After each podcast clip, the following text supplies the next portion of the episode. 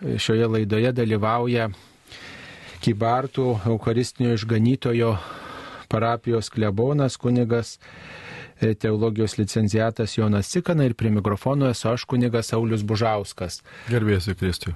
E, skubame jums atsakyti. Čia gavome tokį laišką. Laiškas nėra pasirašytas. E, toks gana piktas, labai daug tokių priekaištų, bet yra ir tokių, tokių klausimų, į kuriuos galėtume tikrai atkreipti dėmesį. Ir čia prašo atsakyti, laidoje klauskite drąsiai kas sugadino katalikiškas laidotuvės, kad žmonių numirusių niekas neneša į bažnyčią. Kas įsakė tokį laidojimą, būdavo, kai e, su karstu įneša į bažnyčią, daugiau žmonių dalyvauja šventose mišiose. Kaip galėtume pakomentuoti apie mirusiųjų e, įnešimą į bažnyčią laidotuvių mišioms? Tai pačių laidotuvių niekas nesugadina, tiesiog pačių žmonių, manau, pasirinkimas. E, aišku, va tarnavau Liškevos parapijoje, tai mes ten šimtų procentų dar visus į bažnyčią.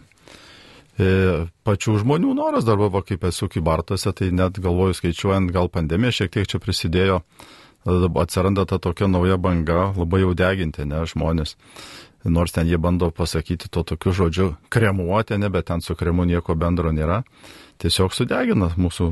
Tai vėl patys žmonės, ne, kaip mes norime, ar norime tų peigų, pavyzdžiui, miestuose, ne, yra šiek tiek net ir tų laidodamų namų, kurie gali būti ne kokie atstumai nuo gyvenamų patalpų ir taip toliau. Ir tada, ar ten yra tos galimybės privažiuoti, ne, su, su mašina prie bažnyčios, ne, ar ten, pavyzdžiui, kaip ir katedra, ne, kaip karstą dabar įnešti į katedrą, jeigu ten visur užtvertos tvorelės, tu beveik prie šventoriaus neprivažiuoji, tai, nu, būtų labai sudėtinga, ne vėl tada, jeigu visi iš parapijos iš šarmojimo namų važiuoja eisena į katedrą, nu ir kaip, pavyzdžiui, arba kad ir jezuitų bažnytėlę, kaip, kaip, kaip privažiuoti, kaip prinešti, kaip suteikti šitą paslaugą, ne šitą patarnavimą su karstu ateiti į bažnyčią, ne, jeigu jūs atvažiuot kokie 30 automobilių ir senamės jau sikišat, kaip išvažiuoti, tai suprantat, visur, visur vis atsižvelgiamai įvairiausius tuos, va, ar tu privažiuosi, ar tu, tai kaimuose tas pilnai dar veikia, sakau, kaip pats buvau Liškivos parapijoje, Tai šimtų procentų dar niek, visi at, atvažiuoja su karstuku, pasitinkam, įnešam, išlydim į kapus. Tai visur to žiūri praktiškumo. Irgi miestai, žiūrėkit, auga, ne, tie kamščiai didėja, tai visi nori, visi skuba, visi nori ir suspėti. Tai va tas toksai bendras sutarimas ir ieškom, kas kam būtų patogu. O, O ten pasimelsti, tai visada yra galimybė, niekada niekas neatsakė, kad pasimelsti ir tų peigų suteikti. Tik tai dar mes ką pra, prasilenkėme šiek tiek, bažnyčia ką numato, pavyzdžiui, prieš išvežant mirusį, kremuoti, sudeginti, mes turėtume tuo metu atlikti vadinamos kūno pagerbimo apėgas. Nes po to jau, kai ateina su urna ir prašo tų pačių kūno pagerbimo apėgų, nu nėra ką pagerbti, nes nėra kūno. Kūnas jau sunaikintas. Tai, tai yra tik pelenai ir pelenų pagerbimo apėgos visai ten kitokios, ten poro maldelių ir ten nėra, ten, nes jau nėra su kuo atsisveikinti, o kūno nėra. Tai va irgi, va, kad mes tą turėtume ne, nepamiršti, bet kažkas mums labai įperša ir labai visiems labai tas noras patogu čia greitai kišenioje neįsivežu savo artimą į, nu bet čia patys žmonės tą daro, tai suprantat, vėl visi piliuoja į laisvę ir mes negalim tos laisvės tarsi jom atimti, tai bažnyčia sako savo nuomonę, ne, išreiškiama ta nuomonė, išreiškiama, kas tai yra tas va tas kūno pagerbimas ir taip toliau, bet visur palieka žmogaus laisvę, tai Tai kiek mes sugebam būti laisvi, va čia ir yra tas klausimas, ar ne ar mes laisvi ir kiek laisvi ir kaip tą laisvę naudojamės. Dar toks vienas dalykas, kad e, jeigu karstas nešamas į bažnyčią ir jeigu laidotuvėmis rūpinasi laidotuvių firma, e, tai tiesiog reikia daugiau mokėti, nes tie karsto nešėjai laukia per šventasias mišes. Tai va dar toks aspektas. Na, nu, tai taip, paskui žmonės turbūt į tą viską skaičiuoja, nes kiekvienas tas, kuris, pavyzdžiui, ten tas taip nešikai tie, ne, tada duobės kasimas didesnis tai viskas ir susideda, bet vėl skaičiuoju, kiek kainuoja irgi sudeginti. Tai, nu, nu, va, taip, tai bet čia... neturėtų tai remtis ne į pinigus, bet vis tiek kartais tai būna, kad remiasi. Bet bažnyčia to nenaikina iš tikrųjų, lieka iš tos apėgos, tik tai, kad žmonės patys jau jų nenori, suprantate, tai tada o jeigu, neprivers. O jeigu, pavyzdžiui, kaimo parapijose, tai tikrai, tai tikrai galima karstą nešti į bažnyčią ir kunigas mielai turbūt e, tam pritartų. Tai, tai sakau, aš dar tik iš Lieškavos pakeitęs, po porą metų toj bus kaip esu kybartuose, tai pliškiau visų šimtų procentų, kiek tarnavau, visus nešim. Taip, dar vienas klausimas iš to paties laiško, tai yra, mm, e, kodėl bažnyčios, e, bažnyčiose taip mažai viešai melžiamasi už Lietuvos dvasinį ir tautinį atgimimą ir atsivertimą. E, tai nežinau, kodėl, kiek tų maldų reikėtų, nežinau, kiek klausytojas mano, bet, reiškia, yra toks klausimas, ar, ar pakankamai melžiamės, ar, ar tikrai nereikėtų daugiau melstis, kad Lietuva atsiverstų. E Tai vėl reikia klausti, ką, ką turi galvoje klausytas klausdamas. Viešai mažai meldžiasi. E, jeigu įsigilinam, kas yra Euharistijos šventimas, ne, tai visose mišiuose mes meldžiamės tiek už gyvąją keliaujančią bažnyčią, tiek už mirusius, kurie jau baigė žemės kelionę ir išėję pas viešpatį. Tai kiekvienos mišios yra su tuo. Niekada nepleidžiamas ne vienas mirusysis, ne vienas gyvasis. Visi yra traukiami, net kiti įvardinami, ne, yra tos Eucharistinės maldos dalys, visuoti ta bendruomenės malda. Ir ten jų yra, ir, ir bažnyčia pagal poreikį turi tas visas šventų užtarimų, žiūrėkit, kaip prašom, koks minimas. Tai aš nesutikčiau, kad mes nesimeldžiam tikrai melžiamės, tik gal, žinai, pagal to klausyto kažkokį įsivaizduotą intenciją nepaskelbė, tai jau tai reiškia, kad nesimeldžiam. Tai nebūtinai, kad nesimeldžiam. O be to gal netaip karštai, kaip norėtų klausytojas, bet iš tiesų tai reikėtų klausti, kodėl mes visi nesimeldžiam, o ne kad bažnyčia, nes bažnyčia tai yra, e, bažnyčia sudarom visi mes ir tada ir klausytoja, ar jūs, mėla klausytoja, klausytojau, meldžiatės už Lietuvos dvasinį atgimimą, nes kiekvienas, e, kiekvieno teisiojo malda Dievo Dievui yra svarbi ir jeigu jūs tikrai karštai melsitės, jau bus e, bažnyčios dalis meldžiasi tikrai karštai ir nuoširdžiai. Arba jeigu mes va, buvom įsiklausę ir buvom atsiliepę sinodinio kelio šitam pakvietimui.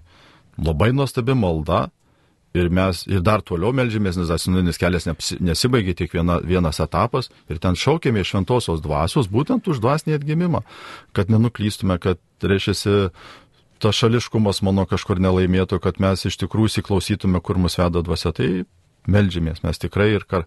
O tas karštis, žinot, tai nebūtinai, kad ten aš jau turiu taip jausmingai, kad čia mes visi apsiverkiam, tai nebūtinai.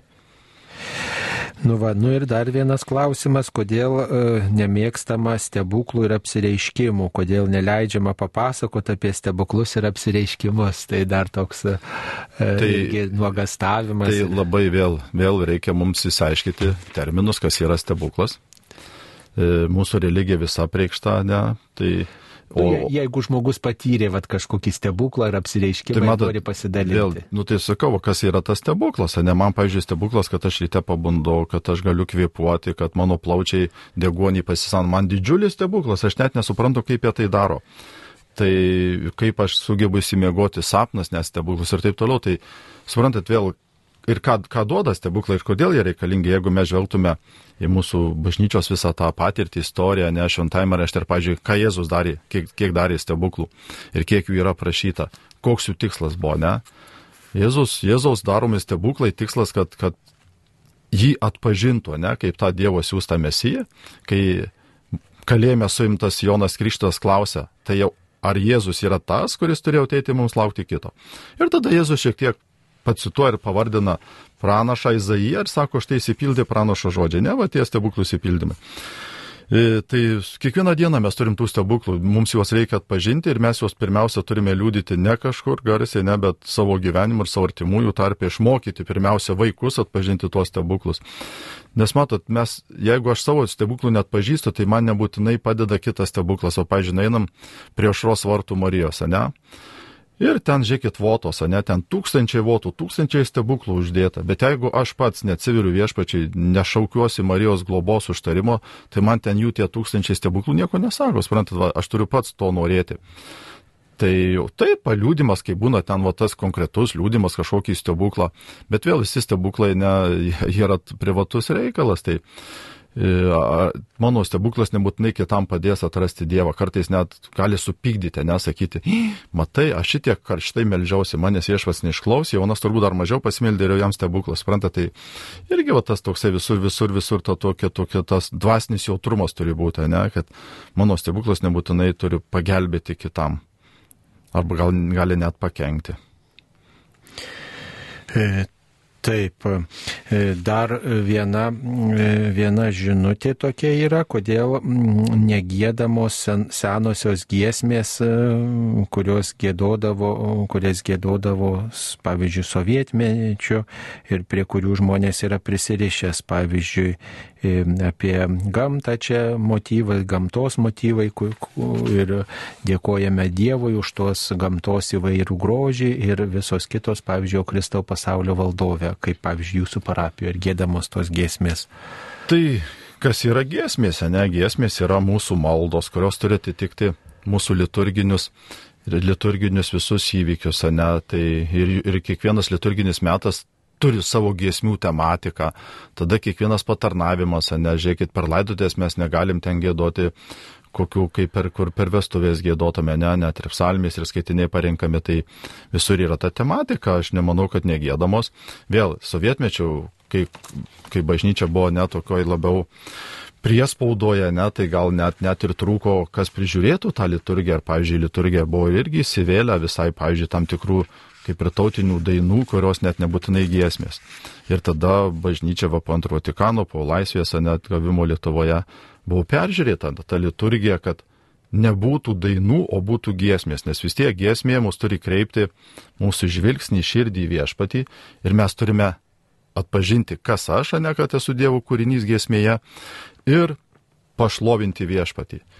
O šiais laikais yra tų, kurie vis nori kažką įterpti, pavyzdžiui, va, net man pačiam tenka susidurti, pavyzdžiui, na čia bus tokia antireklama, va, pavyzdžiui, Zasimauskaitės dainelių, o ne įterpti į santokos apėgas, nu, kurios visai neturi nieko bendro su, su gėdojimu, su giesmė, su viešpačiu. Ir tada žmonės klausia, kaip čia dabar to neleidin. Tai va, visur turi būti viskas savo, savo laiku ir savo vietoje. Tai tų giesmių yra daug visokio, nežiūrėkit, jaunimo giesmės, yra mišos su saugusiais, saugusių choras, yra jaunimo choras, nu tai jaunimo chorui neįdėsi mane suaugusių ten kokiu keliais balsais, ne giesmių. Tai va, vėl, vėl viskam pritaikyta ta situacija, tai manau, tikrai reikia tik tai to noro, geronoriškumo ir mes tikrai viską atrandame ir visur, vis, viskam yra vieta ir laikas. Na, matot, klausytojai galbūt ir tie, kurie klausosi Marijos radijo, yra pri, taip labai pripratę, pamėgę tas giesmės, kurias jaunystėje gėdodavo, kurias girdėjo bažnyčios ir jie dabar tokių tikisi, tačiau turbūt reikia suprasti, kad tas skonis skirtingas yra. Vieni mėgsta vienokias, kiti kitokias giesmės ir turbūt tikrai ir Marijos radijo eteryje yra ir liaudiškų giesmės giesmių, yra ir, ir, ir, ir, ir tų giesmių, kurios dabar gėdamos, šio laikinių chorų, ir taip pat yra ir šlovinimo, kurį ypatingai jaunimas mėgsta, tai tu, turbūt turime prie visokio muzikinio skonio taikytis ir visokio paragauti ir nesakyti, kad vienas ar kitas yra geresnis. Tiesiog turim savo pomėgius, turim savo e, pamėgtas giesmes ir taip pat ieškoti to, to tikėjimo grūdo, to, to, to maisto dvasinio visokiose giesmėse, visokiose gyvenimo aplinkybėse aplinkybėse ir nepasiduoti pykčiui, priekaištui, kad taip turi būti, kaip mano jaunystėje buvo. Taip tikriausiai nebus. Bet ir yra įvairiai. Pavyzdžiui, va, nuvažiuokit Žemaičių kalvarį, kaip einama Žemaičių kalvarijos atlaidai. Gėdosi novinius kalnus eidami, ne. Man va teko, kai dzukiui tarnauti. E, pas artimųjų, net ten kitų pažįstamų, atsimenu, vienos mokyklos direktorės mamytės šermenis nuvažiuojam netoli ten Marcinkonių. Jie dar gėda tas raudas, dzūkiškas, nu tai, tai niekas niekur nepabėgia, supranta, tik tai va nuo mūsų pačių priklauso, ar mes atkreipiam dėmesį, ar mes būnam vienur ar kitur, tai va yra, yra, ta, žinokit, tikrai įvairovė yra. Ir kodėl, pavyzdžiui, nepaprašyti tada sakyti klevonę, mes norim ten kokių, pavyzdžiui, vakarinių mišių seniorų daryti, ne? Ir mes seniorai susirinkam, mūsų seniorų chorelės gėdam tas giesmės. Puikiausiai. Bet dažniausiai, žinot, nori pageidauti. Jeigu kiti gėda nu, tas, tai... kurias aš mėgstu. Bažnyčia nėra pageidavimų koncerto šaltinis. Tai. Taip, va šitą reikia svarbu prisiminti. Bažnyčia nėra pageidavimų koncertas, kur aš užsakau ir taip turi būti, kaip aš užsakiau, nes aš taip noriu. Čia jau kvepia puikybė truputėlį mėlyjei. Reikia truputį prisitaikyti ir prie situacijos, ir prie žmonių, kurie gali gėdot, prie, prie tų žmonių, kurie dirba, kurie ruošia, rengia muziką, kurie vargonininkauja, kurie rūpinasi muzikos parinkimu ir panašiai. Mes negalim tik reikalauti, reikalauti, reikalauti reikalauti, o, o, o reikia įvairiai bandyti prisitaikyti, bandyti suprasti ir, ir ieškoti tokio dialogo. Tai ačiū. Dabar dar viena žinutė apie krizmos aliejų. Ar krizmos aliejus naudojamas šiais laikais yra tiksliai tokios sudėties, kaip paprašytas išėjimo knygoje 30 skyriuje nuo 23 iki 33 eilutės. Tai visos ištraukos neskaitysime, bet ten tai prašoma Viešpats kalbėjo Mozė, paimk brangiausių kvepalų, 500 šekelių vertės keistos miros, pusė tiek, tai yra 250 šekelių vertės kvepiančio cinamono, 250 šekelių vertės kvepiančios neandrės, 500 šekelių vertės pagal šventovė šekelio vertę kasijos ir vieną hiną lyvmedžio aliejaus. Iš jų pagaminsi šventą į aliejų patepimą, tarsi jis būtų kvepalų gamintojo sumaišytas. Jis bus šventas patepimo aliejus patepsi jo juo susitikimo palapinę ir sandoros skrynę stalą ir visus jo indus, žvakidė ir jos reikmenis. Tai panašiai yra tokia ištrauka. Tai ką galima apie tai pasakyti, kas jums žinoma? Man pačiam neteko gaminti, ne, mes kunigai jau pagamintą charizmos aliejų pasimame katedroje, kai būna didį ketvirtadienį pašventinta. Čia galėtumėte užduoti klausimą, ne, ar ten katedrų reiškia administratoriam, kurie padeda vyskupui tą pasirūpinti, ar vyskupas iš kur parveža tą aliejų. Tai nu, nesu smalsavęs šitų dalykų, bet žinau, kad skiriasi šitas aliejus, pavyzdžiui, nuo ligonių patipimo aliejus. Jis iš tikrųjų turi tą kvapą, ne? Ir jau ten, manau, kad tradicijoje bažnyčia tikrai seka šitą tradiciją, ne? Kad tikrai būtų chrizmos kvepintis aliejus.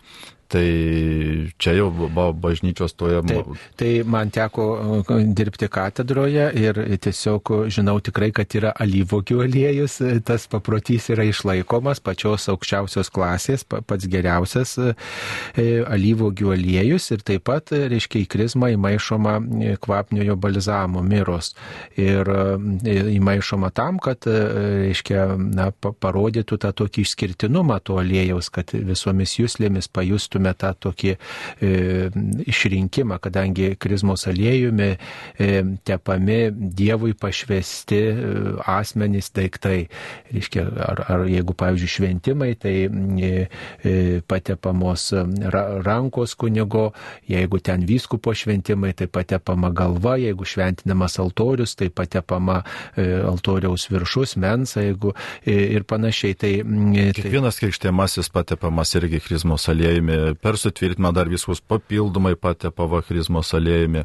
Išrinkimo ženklan, tai tas reiškia toks vat, karališkas ženklas ir, ir, ir kvapas reiškia, kad tas žmogus ypatingai Dievui pašvestas ir tegul jo darbai kvepia taip, kaip kvepia tas aliejus ir tegul jisai, skleidžia tokį savo darbai, savo darybėmis, tokį e, kvapą kitiems žmonėms, kuriuos savo gyvenime sutinka. O čia visi tie kiti priedai, kurie čia paminėti, tai kiek man žinoma, į, į, į tą yra yra nededami, nebent į tą, reiškia, kvapnų į balzamą kažkas ten būtų įdėta jau iš anksto, bet jis e, gaminamas specialiai dažniausiai rytų kraštuose ten, e, nes auga tie tinkami augalai ir ten yra tie žmonės, kurie žino to kvapniojo balzamo gamybos receptus. O čia Lietuvoje tai mes neturim nei, nei aliejaus, jis taip pat atvežamas iš rytų kraštų, kur auga lyvmedžiai. Taip, ir manau, kad jis gali šiek tiek skirtis, nes žiūrėkit, jau keli tūkstančiai metų, ne, ir ypatingai dar Seno testamento laikais, tai net pati gamta keičiasi ir gamtos sąlygos, ir manau, kad kas auginę kokį augalą tikrai žino, ne kiek priklauso ta, tais metais iš šito saulė, kritulių, kiek buvo saulės, tada ir tie kvapnios ten medžiagos kitaip taip susiformuoja. Tai šiek tiek gamtiškai gali skirtis, skirtis tie necheminiai elementai, bet svarbu ta esmė išlaikyti, kad tai būtų kvepintis aliejus, ne, kad ta tradicija ir tradicija, manau, tikrai saugo, bažnyčia jau tikrai tradicijas saugoja. Tai ačiū už tokį klausimą. E, taip, vakar programoje buvo nurodyta, kad bus transliacija iš Kauno šančių bažnyčios, tačiau vyko iš Vilniaus. Kodėl? Vyksta paprasčiausiai todėl, kad e, galbūt paskutiniu momentu dinksta ryšys arba nėra internetinio ryšio ar kažkokie kiti kiti sutrikimai būna.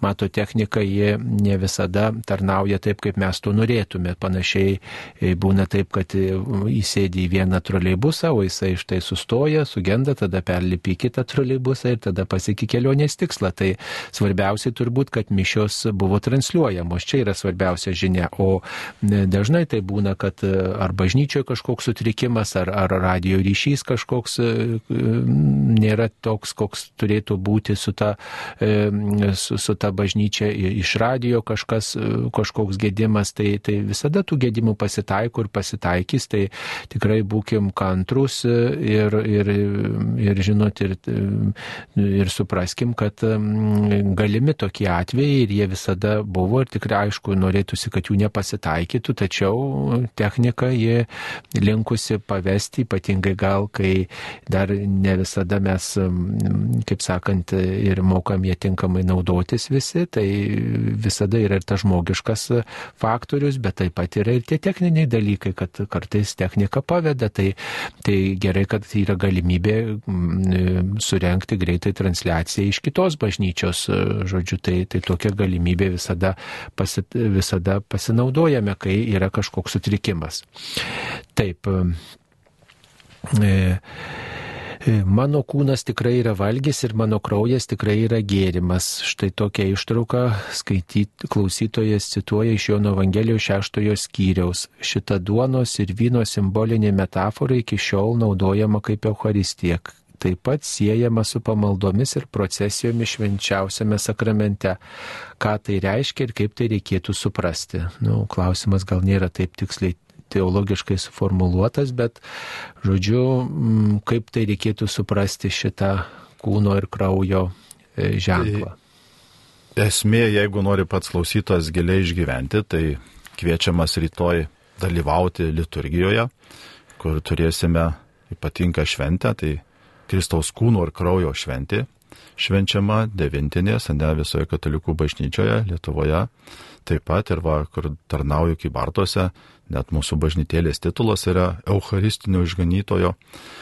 Tai Kristus mums palieka ne tik tai, kad prisiminimą ar simbolį, ne, bet kas yra Eucharistija, yra Kristaus aukos sudabartinimas nekrovinų būdų. E, Kristus irgi ją įsteigė labai įdomu momentu, valgydamas su mokiniais paskutinę vakarienę, duoda duoną, sako, tai yra mano kūnas, kuris už jūs atiduodamas. Mokiniai dar tuo metu tikrai nesupranta, ką tai reiškia, nes dar Kristus netiduotas, dar jis tik tai išeis alyvų kalną, bus suimtas, e, nuplaktas, vainikuotas ir iškeičias ir tik vėliau nukryžiuotas, kad va įvyktų, bet jis tą duoda.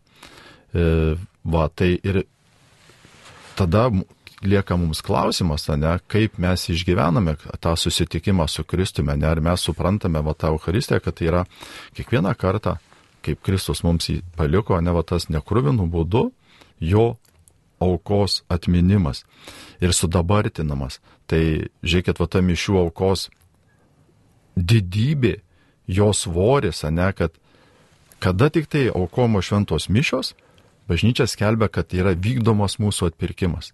Reiškia, Kristus to nekrūvinų būdu vis dar už kiekvieną iš mūsų eina va tuo atpirkimo momentu, kad mes tik tai galėtume būti išganyti. Ir va tas svarbu, ne, ar aš ten einu duoną priimti, ne, ar aš ten einu susitikti su Kristumi. Tai va čia ta esmė, va, kaip, kaip tą suprasti, tai va būtent, pavyzdžiui, kai nešam procesą, ne, nu į ką aš žiūriu. Ar žiūri tą monstranciją, ne, kuri ten kaip padaryta, ir tada kaip kartais ten mūsų muziejuose, ne, va, žiūrėkit, auksa kalvystė, va, kaip ten ją iškalė, kaip ten ką pavaizdavo. Bet esmė tai ne tos, ką norė tada tas auksakalys pavaizduoti, ne ką aš nešu norė parodyti, o nešam visatos valdovą, mūsų atpirkėją išganytoją, kuris dar tiek nusižeminęs, ne vis dar yra Euharistijoje. Kodėl Jėzus dar vis Euharistijoje? Todėl, kada vis dar mūsų širdys nelaimėtos, dar mums kiekvieną dieną reikia atsiversti. Tai reiškia, kiekvieną dieną dar mums Kristų reikia atpirkti, nes aš dar vis nusidedu ir nusidedu. Suprantat, man kiekvieną dieną reikalinga Kristaus atpirkimo malonė.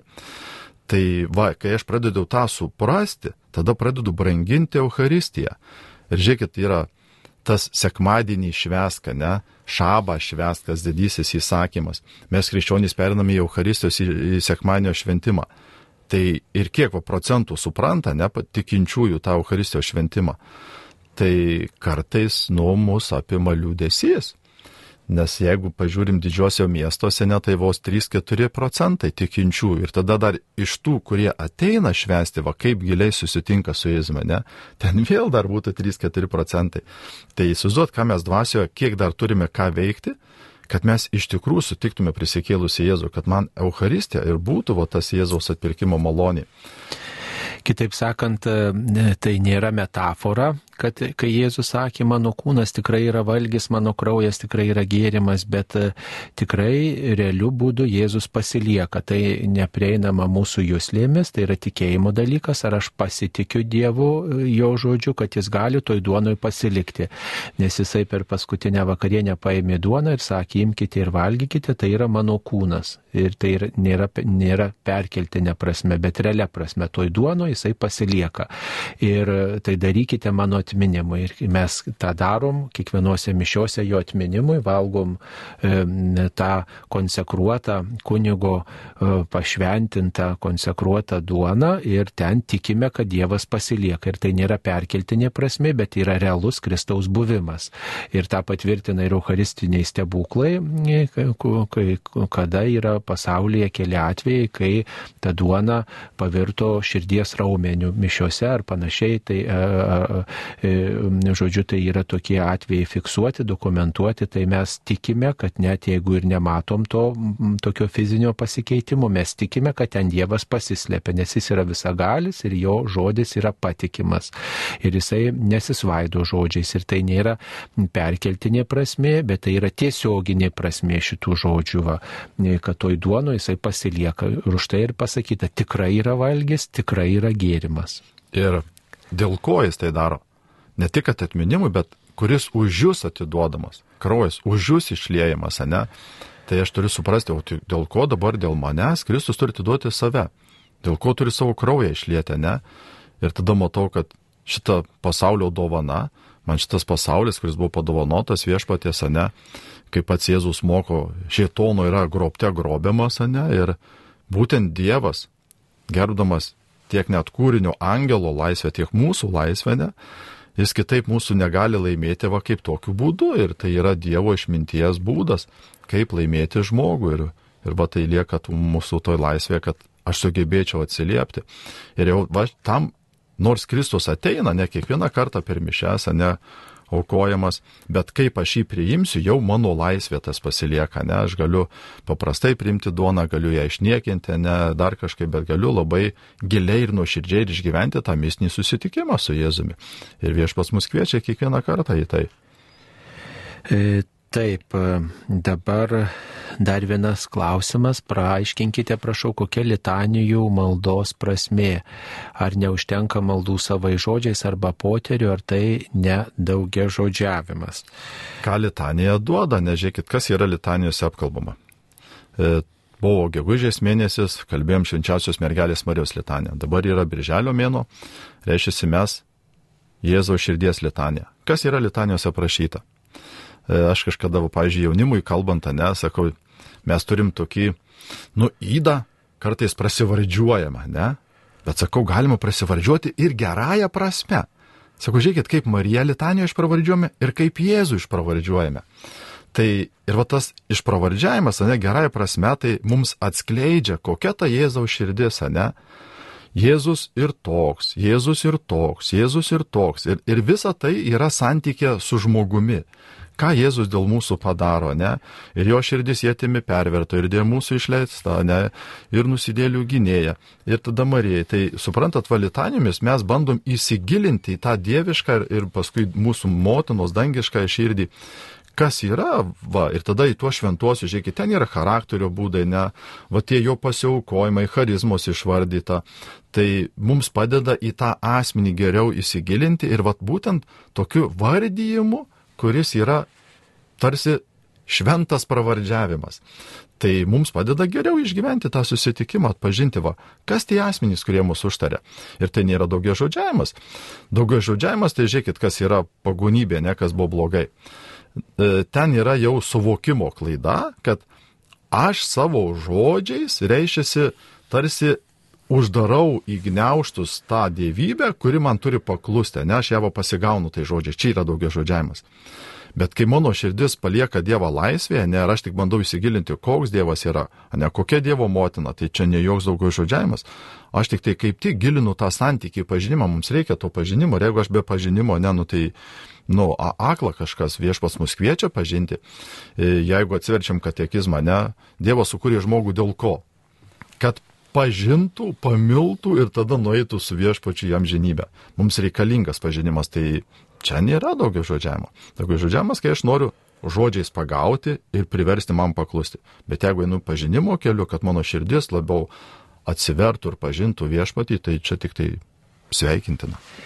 Na, privačiom pamaldume, jūsų e, dvasiniam keli, tai tikrai e, esate laisvi pasirinkti tas maldas, kurios jums tinka. Galbūt vienam užtenka poterių, sukalbėti apie mūsų sveiką Mariją, garbė Dievų, jam žinatelis, nu dar tikiu prideda ir jau jisai va taip pagerbė viešpatį, jis taip e, visų savo gyvenimą, visus savo prašymus, visus savo rūpeščius sudėjo į viešpaties rankas arba savai žodžiais paprašė kažko padėkojo, tai jeigu jums tai priimtina, tai, tai yra gerai, bet tačiau bažnyčios dvasiniam palikime, tam lobynė yra įvairiausių pamaldumų. Nuo pirmųjų amžių, yra ir, ir, ir kreipiniai, ir, ir, ir ta nuolatinė malda dažnai kartojama, jinai tokia meditacinė forma įgauna, kaip ir litanija turi tą tokį meditacinį pobūdį ir protas, ir, ir širdis tada va meldžiasi, ne tik tai, ne tik tai aš lūpomis meldžiuosi, bet ir va tas ritmas toksai, jis, jis yra tam tikras ir, ir kantrumo ūkdymas, ir, ir kartu toksai e, nusiraminimas ir dėmesio atkreipimas. Tai čia yra tokia šimtametė tradicija, tūkstantmetė galbūt net tradicija kai kuriais atvejais, kai, kai kurių litanijų atveju. Ir Ir tai yra tiesiog įvairovė maldų. Tai jeigu jums vienas pamaldumas priimtinas gerai, bet net meskit ir kitų, bet stenkitės pažinti kuo įvairesnį pamaldumą, kad galėtume tikrai praturtinti savo santykių su Dievu. E, taip, dar vienas klausimas. Man padovanojo gintarinį rožinį, yra kryželis, bet nėra kančios ant kryželio nu, kančios, tai nukryžiuoto Kristaus figūrėlės. Ar tinka maldai pašventinus? Taip tinka. Matot, vėl tą kančiukę gal galima paprašyti, galit kokį nors surasti juvelyrą, galim ir prilipdyti, bet tai esmės nekeičia. Iš tikrųjų, jeigu kas, kas yra esmė? Esmė, kad aš melščiausi rožinį, ne? Tai rožinis yra tik pagalbinė priemonė man nepasiklysti ir kad va išlaikyčiau tą ritmiką ar dinamiką melžiantis, ne, kad tam va dešimt kartų sveika Marija pabaigčiau. Bet jeigu aš neturiu rožinio, aš puikiausiai galiu pirštukų savo lankstyti, tai yra įvairių priemonių. Tai e, ta, tas, tas, tas labai puikiai tinka maldai, dėl to galite nepergyventi, nėra ten įsakyta, kad jau kur nors didelį kryžių dedama, ne, o šiek tiek yra ta kita simbolika, kad ten mes matytume, ne, kad mirė Kristus, bet vėl kai kurie galima daryti jau prisikėlus į, ne, nuo, krist, nuo kryžiaus Kristų, tai yra įvairių, bet ši, ši čia šituo atveju tikrai tinka. O dar ten grįžtant, va, kas buvo prie praeito klausimo apie tą maldą daugia žodžiavimą, tai, pavyzdžiui, jeigu jūs einate į bažnyčią, ne, ir sekate kiekvienos dienos skaitinius, dabar čia buvo prieš porą dienų buvo Evangelijas, kai Jėzus mus moko tėvę mūsų maldą. Ir buvo prisimenu Teresę Vilietę, jinai labai gražiai pristatinėjo, va, kaip reiktų tą melsis tėvę mūsų maldą, ne, kad nebūtų daugia žodžiavimas, ne, tai sako, tu ją turi nesukalbėti kaip eilėraštį, bet pasimelisti. Tai yra išgyventi giliai kiekvieną žodį, ką tu sakai. Ir kai jeigu aš, pavyzdžiui, sakau ir nesuprantu, netiesie šventas tavo vardas, nu ir ką tai reiškia, ir ką, ką čia nori viešpas mus pamokyti, kas tas šventas vardas, ar Dievas nešventas, ar ne? Ne, jis šventas, kad tiesie tai reiškia, kad man Dievas būtų visada šventas, kad aš jau nenubanalinčiau, ne jo neįžeičiau, neįskaudinčiau ir taip toliau. Tai suprantate, tada jeigu aš, va, neskubėdamas pasimildžiu tą maldą, nereikia man jos du kartus kartuoti, tris kartus, bet jeigu mano sąmonė neįsiblaškius, Buvo, pasimeldžiau ir net neatsimenu, kad kalbėjau, davai pakartok tada, vėl neatsimenu, tai tada, kad ta, įvyktų tas malda, suprantat, nes jeigu mes tik paliekame eilėraštuku ir, ir dar tokiu, kad mano mintys kažkur ten toli, o čia tas eilėraštukas, tai ten nėra malda. Suprant, va tada gali būti daugia žodžiavimas. Tai mūsų viešpats kviečia iš tikrųjų, kad būtų mano malda samoninga, kad aš žinočiau, kad atėjau į maldą ir melžiuosi. E, taip, e, dabar dar viena žinutė. Kaip suprasti, kam Dievas atsiuntė mane į žemę, kaip suprasti savo pašaukimą, tai yra Dievo man skirtą kelią. Dievas mus pašaukė į žemę iš meilės. Ne vieno žmogaus neatsiranda žemėje be Dievo meilės. Ir kai e, šventame rašte randame, kad Dievas pirmas mus pamilsta. Ir tada, aišku, jis duoda mums tokią staigmeną dovaną. Mums padu, neatsiklausęs padovanoja tėvus pirmiausia. Tada dar su tėvais padovanoja tą erdvę, vietą ar laiką, kada ir kur aš ateičiau. Tai yra nuostabios Dievo dovanos. Va ir vėliau jau priklauso, reiškia, kaip mes atsiversim tom dovanom. Tai pirmiausia, kad va Dievas mus pašaukė iš meilės ir aš turiu išmokti atsiliepti. Ir mūsų tai viso gyvenimo tikslas - atsiliepti Dievui šitą pašauktą meilę.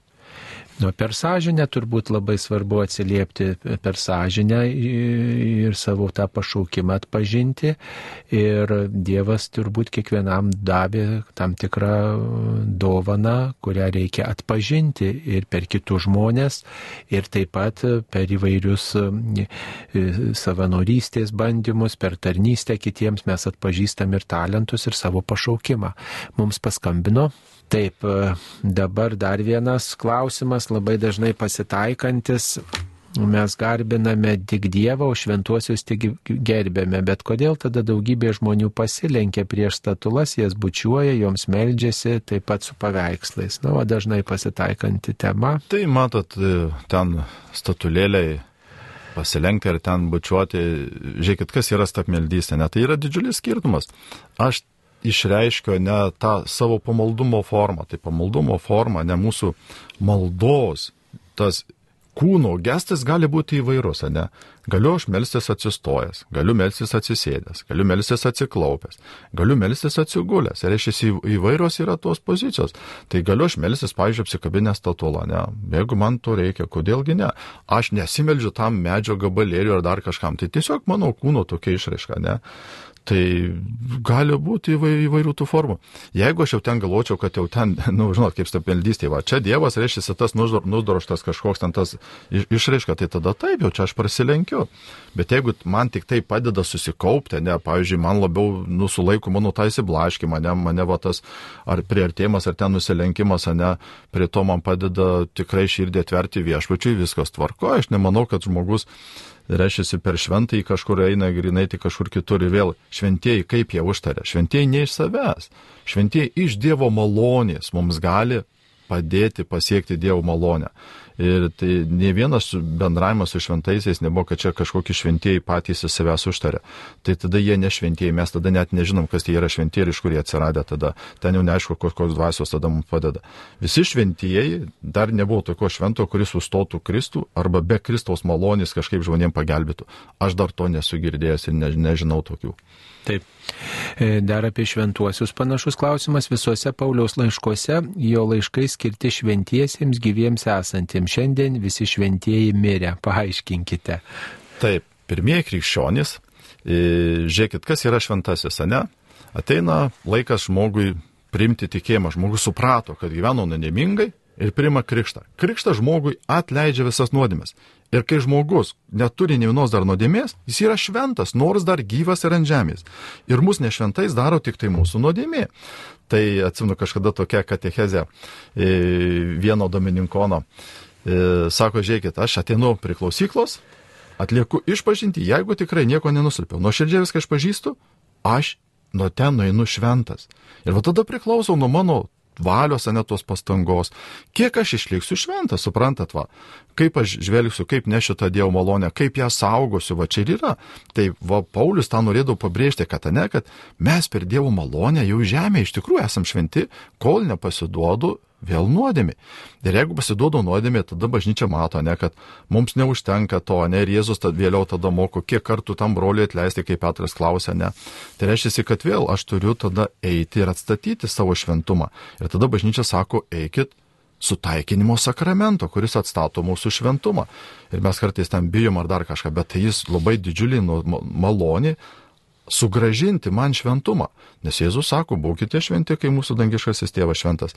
Jei nepasitite šventi, neįsite dangus karalystę. Ne, tai aš turiu tapti ir mūsų gyvenimo tikslas, va, kaip klausė apie tą pašaukimą, ne kas tas yra. Pirminis pašaukimas - mylėti, o mylėti ir yra atsiliepti Dievui, tai reiškia būti šventu. Vėliau visi kiti papildomi tik tai pašaukimai, ką aš galiu čia save kažkaip išreikšti. Bet tas pirminis giluminis, kad iš žmogaus pašaukimo tai esmė atsiliepčiau, tai kad atsiliepčiau šitą va, meilę šventumu. Kitaip sakant, man pats aiškiausias ir suprantamiausias šventumo apibrėžimas tai yra toksai. Šventumas tai yra panašėjimas į Kristų. Kitaip sakant, kiek aš savo gyvenime turiu panašumo į Kristų ir kiek aš juos seku. Va.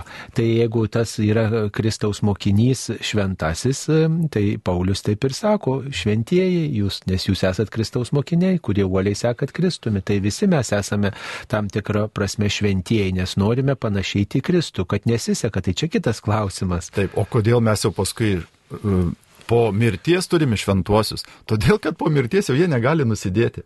Ir tada mums jau labai lengva kiekvieną vatą užfiksavom, įrodėm, kad jis buvo pabaigė gerai šventai. Viskas, šventasis mūsų užtarinėja, nes jis jau negali nusidėti. O mes kol žemėje, ne, aš išėjau iš paži po išpažinties, ne, aš galiu būti šventas, bet va, būtent va tas, iš kada kitas žmogus sužinos, ne kad aš jau sunodėmi, jau nešventas, sprantat. Nu tai aš galiu apeliuoti, sakyti šventasis, ne jam priminti tokia net kaip sąžinės priekastą tarsi duoti, ne. O jis sakys, palauk, aš jau nusidėjau, mane dar vis vadina šventu, ne kaip Paulius. Reiškia, mane paskatina vėl eiti atgailauti, priimti Dievo malonę, kad vėl vėl atgaivinčiau savo tą šventumą. Taip. Ar dar šventinamos gėlės bažnyčiose per devintinės? Per devintinės, na, nu, aš dabar reiktų pažiūrėti tą pėginą. Šiaip galimybė. Bažnyčioje yra keletą kartų šventinti ten tų įvairių žolynų, gėlių, ne tik per žolinės. Tai... Per devintinės irgi numatyta, tačiau, na, tas paprotys jau beveik išnykęs yra ir turbūt labai retai kur taikomas. Taigi čia reikėtų turbūt įsiaiškinti konkrečioj parapijoje, ar, ar tas paprotys dar palaikytinas, nes jeigu niekas neatsineša gėlių, tai kokia prasme ją šventinti. E, Taip, dar vienas klausimas yra viskupų laiškas, šeimos peticija. Tikiu, kad daug tikinčiųjų meldžiasi, kad dar mes galėtume padaryti, kad mūsų išrinkti Seimo nariai mus išgirstų. Nu tai aišku, melžiatės labai gerai, bet e, galima ir pasninkauti, rašyti laiškus, rašyti laiškus e, su jūsų pozicija, su argumentais rašyti, ne, neplūstis, ne, ne ko neveikti, bet išdėstyti argumentus, kodėl vienas ar kitas įstatymas turėtų būti priimtas ir kodėl vienas ar kitas įstatymas neturėtų būti priimtas. Ir jeigu jūs turite savo Seimo nario, e, taip sakant, elektroninio pašto adresą, tikrai galite jo dėžutę, jo, taip sakant, elektroninį paštą nusiųsti šitą laišką ir e, tikrai galima tuos elektroninio pašto adresus surasti turbūt ir Seimo puslapyje, jūsų, išrink, jūsų apygardoje, jūsų apylinkiai rinktą Seimo narį, nesvarbu, jeigu ir ne jūs už jį balsavote, tačiau va jūsų argumentai jam turėtų e, būti svarbus ir jeigu daugelis žmonių tikrai rašys tuos argumentus ir, ir įvairius argumentus ir įvairias pozicijas tokias, na tai manau, kad jie tikrai turėtų reaguoti. Ir kas yra ta demokratija? Ne, iš tikrųjų, e, mes esam demokratiniai valstybei ir aš va daug žmonės lankydamas anevis pasakodavau, kas yra demokratija ir kokios yra mūsų ne tik teisės, bet pareigos. Suprantat? Pirmiausia, aš turiu atlikti pareigą renkant, bet prieš rinkimą aš turiu turėti ką rinkti, neturiu bendrauti. Ir mūsų demokratija nepasibaigia ne tik tai e, rinkimuose, net ant tam biuletenį padėti brūkšniuką ar ten kryžiuką kažkur. E, vėl, kokios yra tie būdai, žiūrėkit, tai ką numato mūsų demokratijos valstybės teisė, o jinai daug numato. Galime peticiją rinkti parašus, galime asmeniškai rašyti Seimo nariui, galime išeiti su plakatai, suprantat, ir mes turime ne tik vienam klausimui, mes daug klausimų, kur prasilenkia mūsų Seimo nariai ar Seimas kažkur su mūsų vertybėmis, mes jas turime apginti. Demokratija tai yra, kad aš turiu išmokti apsiginti savo teisės. Ir jeigu aš jų neapsiginu, tai pasaulis lipa ant galvos, mes turim apginti. Ir mūsų katalikų ir krikščionių pareiga apginti. Mes galim prašyti Seimo nario, ne, bet ar mano, pavyzdžiui, vaikai ir anūkai saugo tas vertybės, kaip aš jiem jas perdaviau. Nes, žiūrėkit, susitinku su jaunimu, ateina krikštyti. Klausiu, tai jūs santokai gyvenat? Ne. Kiek metų gyvenat? 10-15. Vaikai jau va tuoj bus sutvirtino sakramentas, jau tik bus perdunat tikėjimo vertybės. Nu tai čia šie laikai, nu tai va tada evangelizuoji, kalbi, kalbi, kol ten viską išmokys. Suprantat, va čia yra tas, kaip aš perdodu tikėjimą. Ne tik, kad Seimo narys čia turi man apginti tikėjimą, bet mes kiekvienas ir pirmiausia šeimoje. Ir jeigu, pavyzdžiui, va klausime dabar irgi ir tuose sinodo kelio katekezėse, ne, ir, ir popiežius kaip duoda tą katechezę, kad Pirmiausia, šeima yra ta vieta, kur turi būti apginamos krikščioniškos vertybės. Ir po to aš jau einu toliau. Taip, e, dar viena žinutė yra tokia, e, kada, e, kur ir kaip galima pašventinti šventuosius paveikslus. Ar senus XIX amžiaus šventuosius paveikslus naujai įrėmintus reikia peršventinti senas paveikslas neperšintinamas, nes nešventinamas rėmas, o pats paveikslas, tai jis yra pašventintas, tai jūs keitėte rėmą, nieko ten nereikia per naują pašventinti. Naują paveikslą įvairiai, jeigu jūs ten nusipirkote kažkur atlaiduose, ne, tai žiūrėkite, visada atlaidų pabaigoje būna skelbiama, kad dabar bus pašventimas mūsų devocionalios, tai yra mūsų įvairius paveikslai.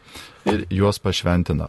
Va, o jeigu kitų laikų, tai tiesiog užeinat, atsinešat pas kunigą, arba, pavyzdžiui, kai lankosi kunigai namuose ar svečiuose, net tas būna parapiečių lankymas, tai irgi ne tik namus, pasakai, nori, aš turiu paveikslą nusipirkęs, prašom pašventinti, pašventina kryžių, pašventina.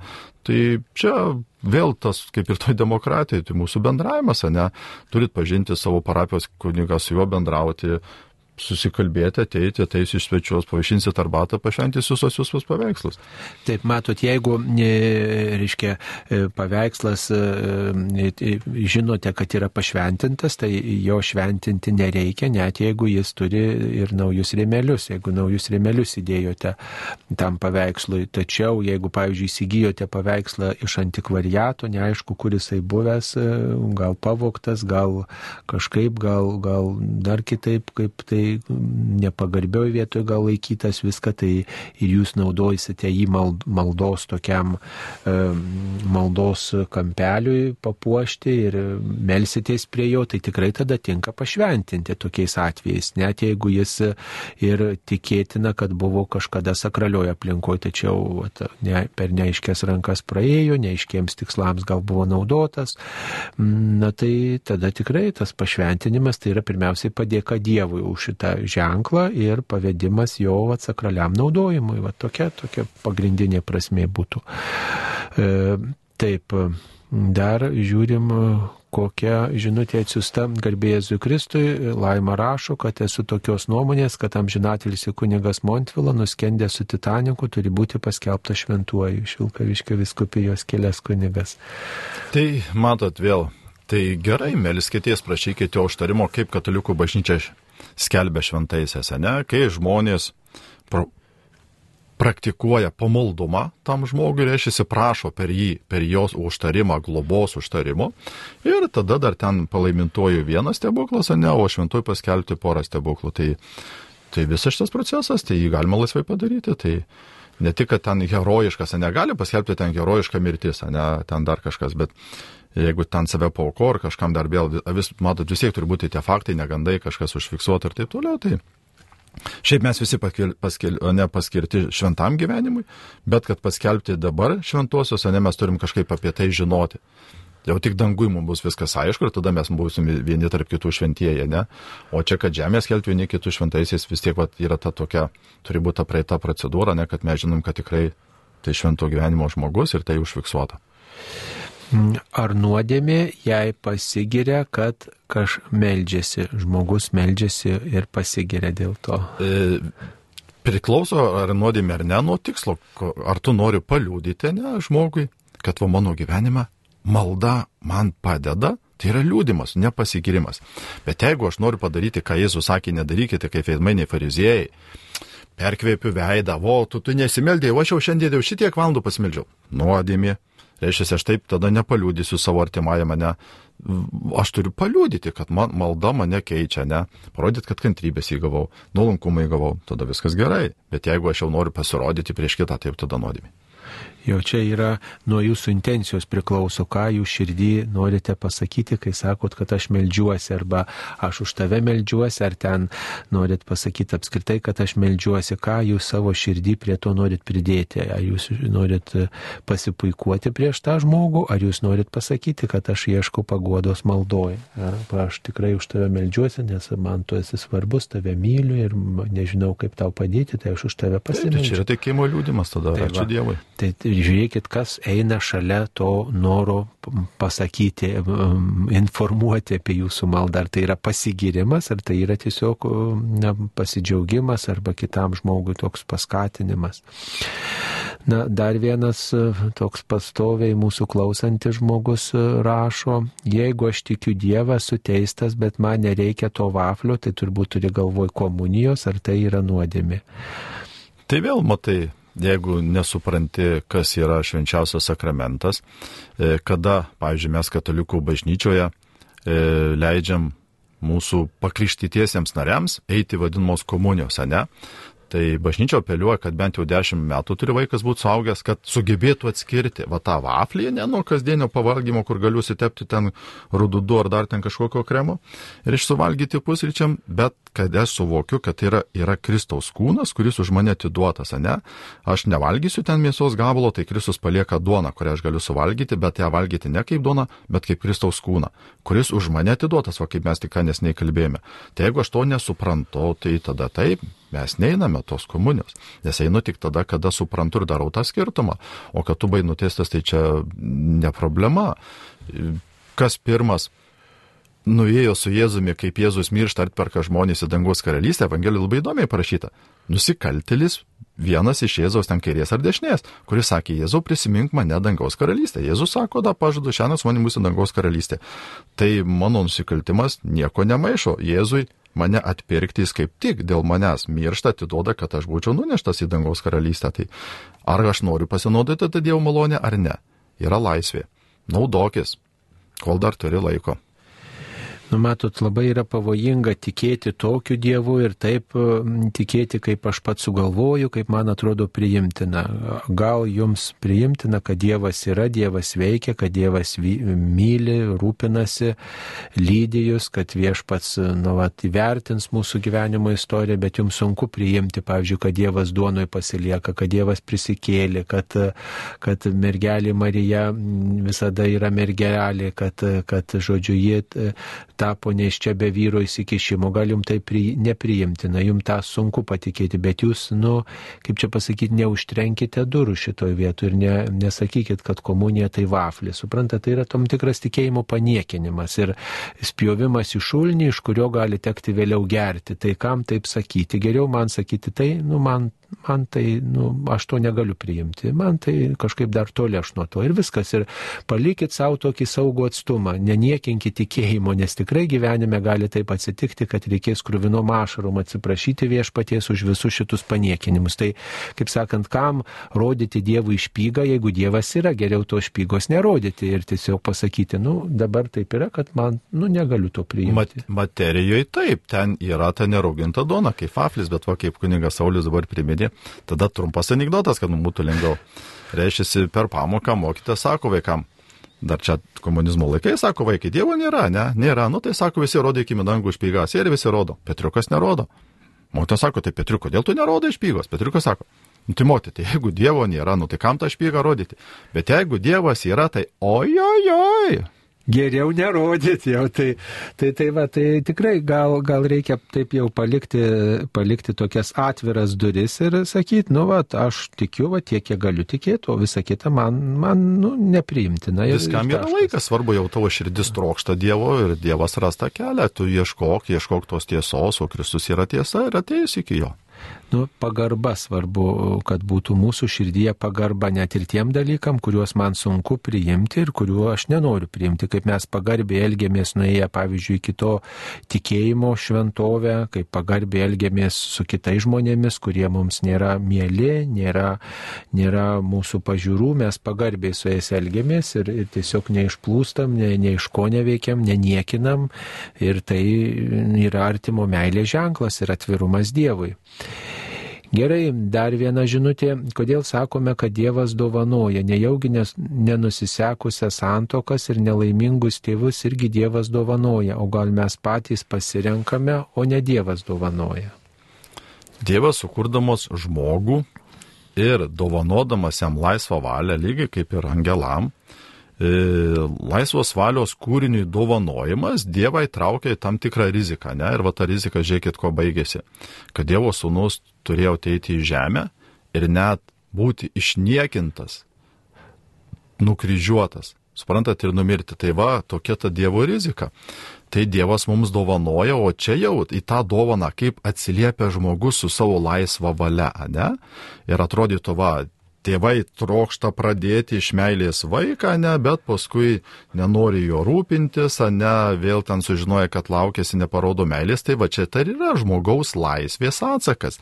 Bet Dievas savo dovanos nenutraukia, suprantat, žmogui davė tokią prigimtę, ne, kad dviejų žmonių skirtingų lyčių, ne, meilės aktos ėjas reiškia ir užmesga gyvybę ir Dievas sutinka net, kad ir atrodytų su neteisėtu dar su kažkokiu tų žmonių va tą laisvę vis tiek Dievas gerbė, matot, čia vėl ta pagarba. Dievas šimtų procentų gerbė mūsų laisvę, net jeigu mes ir suklystam. Tai va, va ta pagarba turi išlikti. Bet kartu Dievas tame visame kame turi planą. Net ir žmogui suklydus, Dievos savo esmėje nepraranda plano, kad mus pasiekti iki mūsų tikslo, suprantat? Tada ateina už mus numirti, kad mūsų, mus išlaisvintų iš tų mūsų žaizdų, jas išgydytų ir dar labiau mums padėtų patirti tą Dievo meilę ir tą jo auką ir taip toliau. Tai va, čia yra ta dovana. E, Taigi, dar vienas klausimas, ar popiežiaus intencijos būna ir paslaptingos. 15 val. vainikėlį nepasakoma popiežiaus intencija. Na, tai labai linksmas klausimas. Tai aišku, kad e, kiekvienas žmogus melzdamasis, tai tikriausiai ir popiežius turi tokių intencijų, kurių ir nepasako, kad jos gali būti ir, ir jo širdies intencija, jo, jo troškimas, e, apie kurį jis galvoja, svarsto, e, bet mes melžiamės tą intenciją, kuri dažniausiai būna įvardinta įvardinta, beveik visada būna įvardinta. Tai jeigu 15 val. jos neįvardina, tai žinokit, kad ji yra žinoma ir ta popiežiaus intencija, pagrindinė intencija, jinai skelbiama yra e, maldinėlėje, e, kuris prenumeruojamas, Magnificat maldinėlėje, taip pat ją galima rasti internete ir taip pat jinai yra ir rubricelėje, kurią kunigai naudoja prieš šventasias mišes, tai yra yra, taip sakant, parašyti minėjimai, švenčių e, trumpi aprašai. Tai tokioje knygelėje, kalendoriuje, kuris yra katalikiškame knyginėje, knyginėlėje, gali kiekvienas e, klausytojas, skaitytojas, e, maldininkas nusipirkti ir tikrai žinoti tą intenciją. Taip, yra, o ją įva... nebūtina įvardinti, užtenka pasakyti meldžiamės popiežiaus intenciją. Įvairių, įvairių būdų yra, kaip rasti, pavyzdžiui, mes net kiekvieno savaitės, neskelbimuose, va, prie pamaldų tvarkos būnam kiekvieną mėnesį irgi rašom tą popiežiaus intenciją. E, tai mūsų šitas pranciškus popiežius paliko tik vieną intenciją, ne prieš tai buvę. Reiškia, Benediktas, ne, dabar nepamnu dar prie Jono Pauliaus, kai buvo, tai jis rašydavo vieną vadinamą viešoji intenciją ir bendroji intencija. Ten misijų intencija, reiškia, tam tikras rūšis dar įskirdavo. Tai, žinot, tų intencijų gali būti daug visų, bet tikrai nėra jokių ten kažkokių baisiai slaptų intencijų ir ten vėl slapta intencija tai nereiškia, kad jinai gali būti bloga arba pikta, ne, tai, tai tiesiog asmeninė intencija, tai mes daug turim tų asmeninių intencijų, tai tame nematau jokios problemos. Taip, ar darom pertrauką kunigė? Kaip žmonės nori, taip, taip tai galime. Tai dabar, mėly Marijos radio klausytojai, tęsėme laidą Klaus drąsiai. Šioje laidoje dalyvauja Kibartų Eucharistinio išganytojo parapijos klebonas kunigas, teologijos licenciatas Jonas Cikana ir prie mikrofono esu aš kunigas Saulis Bužauskas. Taigi, e, Taigi bandome atsakyti į atsiųstas žinutės. Žinutės galite siūsti telefonu 865049107 ir taip pat galite paskambinti telefonu 837-323230 ir operatoriui užduoti klausimą ir bandysime ieškoti atsakymų. E, taigi mums atsiusta štai tokia žinutė. Mm, vienas Vokietijos pranciškonas pareiškė nuomonę apie savo, e, savo orientaciją, ar celibatas nebegalioja. Tai žmogus gali turėti nuomonę, žmogus gali tą nuomonę išreikšti, ne? Tai yra to žmogaus nuomonė. Tai mes daug turime vairių nuomonių, ne, galim sakyti, kad Žemė plokščia, Galim sakyti, kad pasaulis sukasi aplink Žemę. Nu, galim sakyti ir teikti, kad viskas sukasi aplink mane. Bet yra tam tikros tiesos, kurios yra ir kurios nekintamos, kurios išlieka. Ir tu mano nuomonė nebūtinai tai yra ten pasaulio tiesa ar ta nuomonė, tai tiesiog žmogus tai išreiškia, o tai nieko nereiškia ir vėl, vėl žmogus pasirenka, jeigu jis buvo davęs kažkur skaistybės, ne vienuolis įžada, nu tai jis davė jį ir jis turi jo laikytis, o jeigu jis jau atėjo jam toks suvokimas, kad jis nori jį laužyti, jo nesilaikyti, e, mes negalim jo priversti, ne Dievas sukūrė žmogų laisvą, bet tada jis tai pažeidžia savo tą duotą ne, pažadą, prisimta tą įsipareigomą gyventi skaistybėje, gyventi neturite, gyventi paklusnume, tai matot vėl, mes darom tam tikrus žingsnius, bet paskui vis tiek liekam laisvi ir tada už tuos priduotus įsipareigojimus, arba mes sekame ir parodome, kad aš laikausi žodžio, laikausi įsipareigojimo nepažado, bet galiu kažkas atsitikti viduje, nuspręsti, kad aš to nesilaikau, ne, tai įvairių būna krizių žmogaus gyvenime ir tų perkeitimų, bet tai nekeičia kažkokios ne esmės ar dar ten paneigia tiesą, tai taip nėra. E, taip, dar viena žinutė. E, kapinėse pakrypo senas paminklas, kapavietė perdaramo naujai. Ar reikia šventinti iš naujo, klausia Vida. Tai jeigu tik pataisot pamatą ar paminklą atstatot į vietą, ar ten gilitas pasodina, tai nieko nereikia peršinti. Peršint šventinama tik tai, kas naujai įdėta, ne, pavyzdžiui, ten tas visai subirėjo, jis sunaikino tą paminkliuką ar pastatėt naują, tai tada pakviečiat kunigą, jis pašventina naują, o senas, jeigu jis ten pamatą patvarkė, tai viskas tvarkoja, nieko ten nereikia šventinti. E, dar vienas klausimas, ar netikėjimas yra nuodėmi?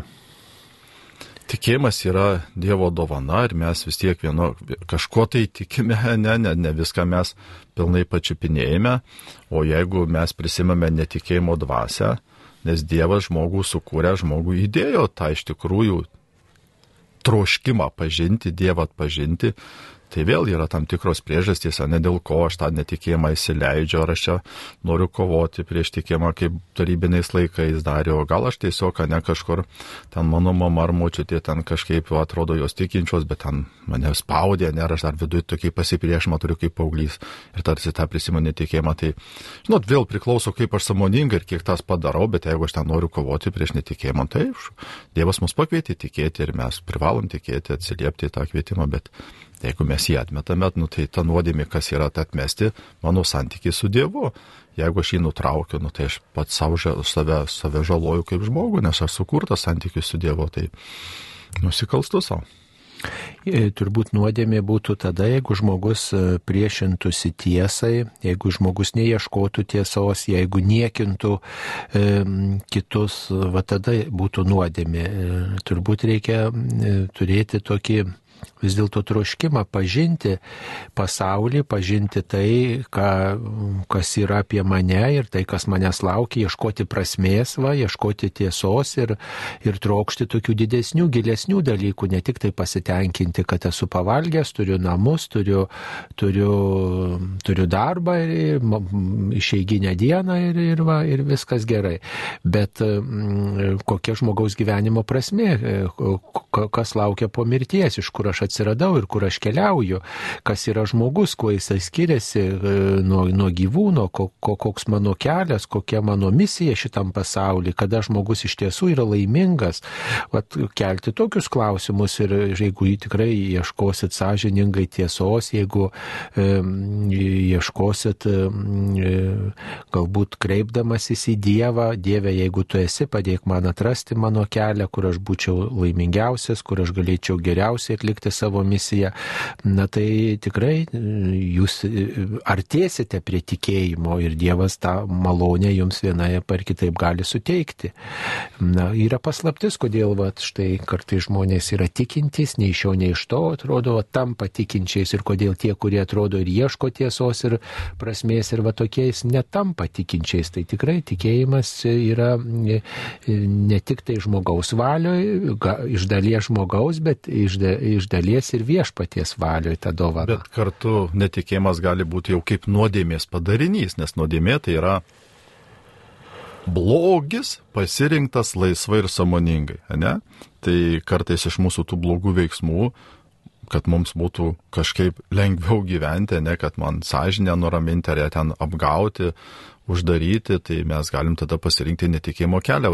Labiau tai galbūt net pačios nuodėmės padarinys netikėjimas. Taip, Stanislava klausia, ką patartumėt daryti, jei sūnus nekrikštyje anūkų. Tai pirmiausia, tėvų pareiga ir atsakomybė už savo vaikus. E, maži vaikai yra krikštėjami remintis tėvų ir krikštatėvių tikėjimu. E, galėtume tarsi prileisti tokią nuomonę, kad gali ten atseit močiutė pakrikštyti prieš tėvų valią, bet tada kaip jūs perduosite tikėjimą, ne, žiūrint, kiek laiko ateina, kaip jūs gyvenate, ar sugebėsite tą perduoti. Nes jeigu jūs tik norite krikštyti, bet nebus jums sąlygų sudaryta perduoti tikėjimą, tai žinokit, nekrikštėjimą, nes krikštėjimą būtent su sąlyga ir pačiose peigose kelis kartus klausim ar tėvų ir krikštatėvių, jeigu ten tų kažkokių globėjų būtų, ar tu perduosi tikėjimą, nes jeigu tu sakai, kad aš neturėsiu šansų perduoti arba neperdavinsiu tikėjimo, tai tada žmogus nekrikštimas. Taip, ką daryti, jeigu, e, jeigu šeimoje vienas pritarė krikštui, o kitas prieštarauja? Tai tada jau čia tas prisima atsakomybę, nebūna Pavyzdžiui, einant į santoką, ne, yra ta anketa, net klausima su tuoktiniu. Ar darysite visą, ką galėsite, kad visi vaikai gimę santokų būtų pakryšti ir auklimi katalikų bažnyčia? Ir jie sako taip. Nu tai reiškia, kažkuris melavo, o kitas tada prisima atsakomybę ir susilaukus krikščioniškoji santokoje vaikų mes krikštam tęsim savo atsakomybę, tai kažkuris vienas prisimė, tai tada, nu aišku, bus sunkiau, ne tada vaikai matys, va, tėtis ten nesimeldžia arba tėtis melžiasi, mama nesimeldžia. Žinot, šiek tiek va tas toksai prieštaravimas, bet, nu, toks mūsų gyvenimas, mes tada bandom, kas nuo manęs priklauso, aš prisimu, turiu vis tiek prisimti atsakomybę, tai prisimu ir vykdau savo tą pažadą. Nenuleiskite rankų. Taip, mūsų klausytojai prašo, paaiškinkite, kas yra viltis. Viltis viena iš dieviškų darybių, kuri mums žemėje yra reikalinga, kad mus palydėtų iki dangaus karalystės, o dangaus karalystėje vilties nebereikės, kaip ir nebereikės tikėjimo. Ir kaip Paulius rašo, kad amžinybė lieka tik tai meilė, kurie iš tų dieviškų darybų didžiausia. Tai matot, viltis mums atveda į santykių su Dievu, mums leidžia patirti va tos neregimos malonės čia ir dabar, ne va, pavyzdžiui, visi sakramentai, ne va per tą viltį yra švenčiami, nes mes matom tam tikrą regimą ženklą, kuris mums atneša neregimą Dievo malonę, kuri mūsų dvasioje pasiekiama, jinai materialiai tarsi dabar neapčiopiama.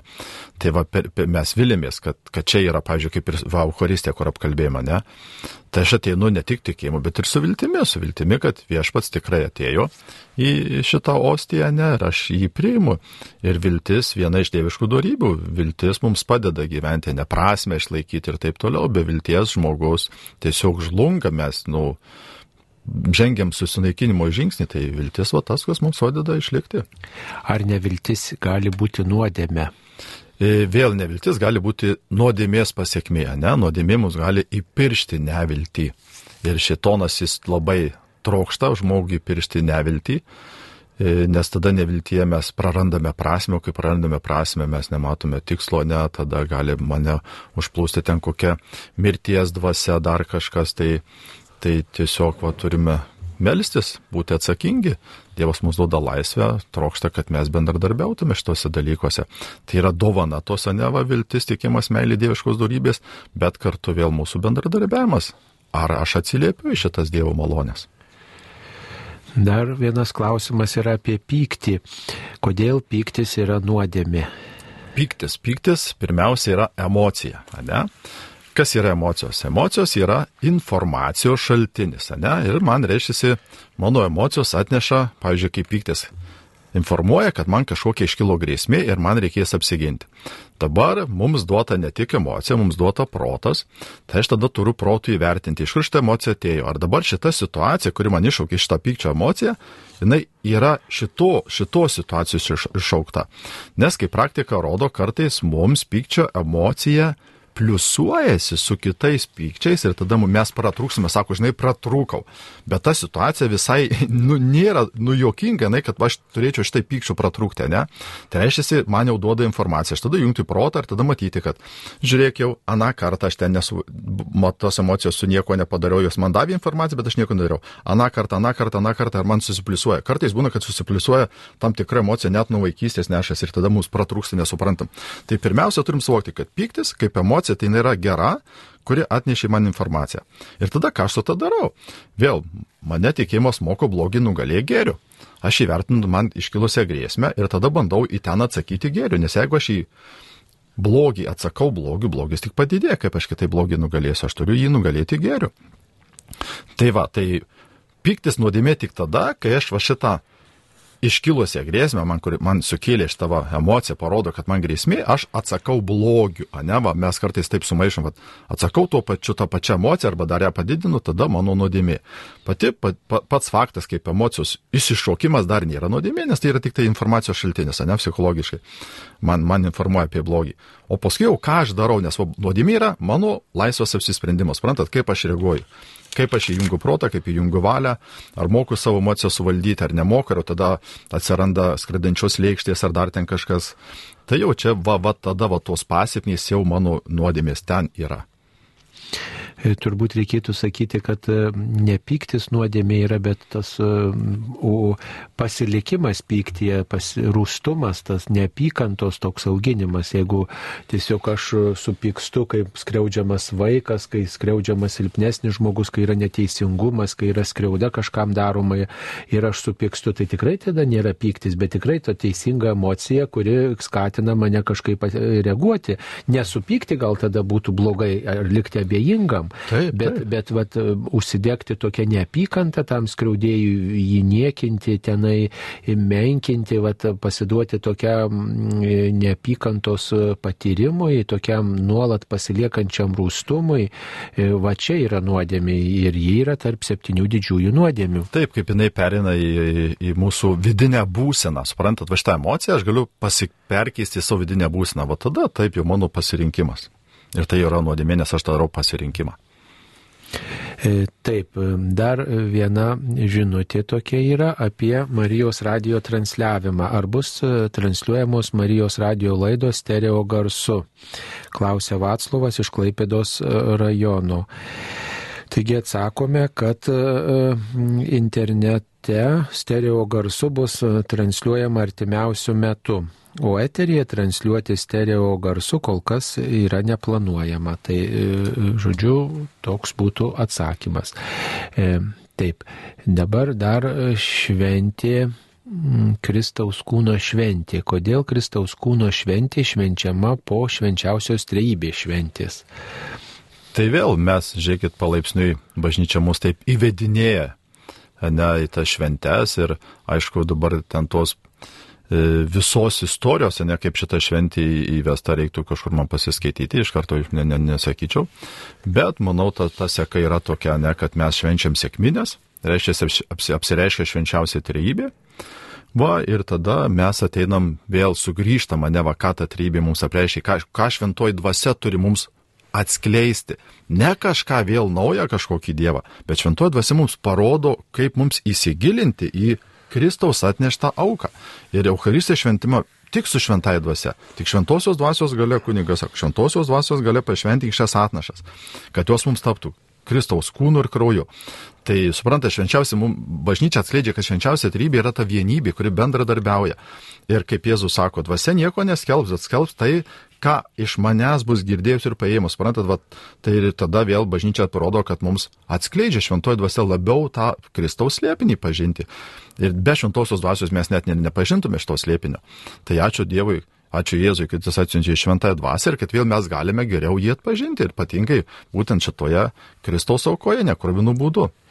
Taip, tai devintinės yra tokia šventė, kuri švenčiama praėjus devyniom savaitėms po, uh, po šventųjų Velykų. Ir seniau būdavo švenčiama ketvirtadienį, tai ketvirtadienis švenčiausių sakramentų įsteigimo diena, bet tikinčiųjų patogumui, o Lietuvoje, pavyzdžiui, viskupai, Lietuvos viskupų konferencija tą šventę perkelia į sekmadienį, kad visi tikintieji galėtų dalyvauti, net ir tie, kurie dirba. Ir tada procesijoje pagerbti viešpatį, kuris pasilieka švenčiausiam sakramente.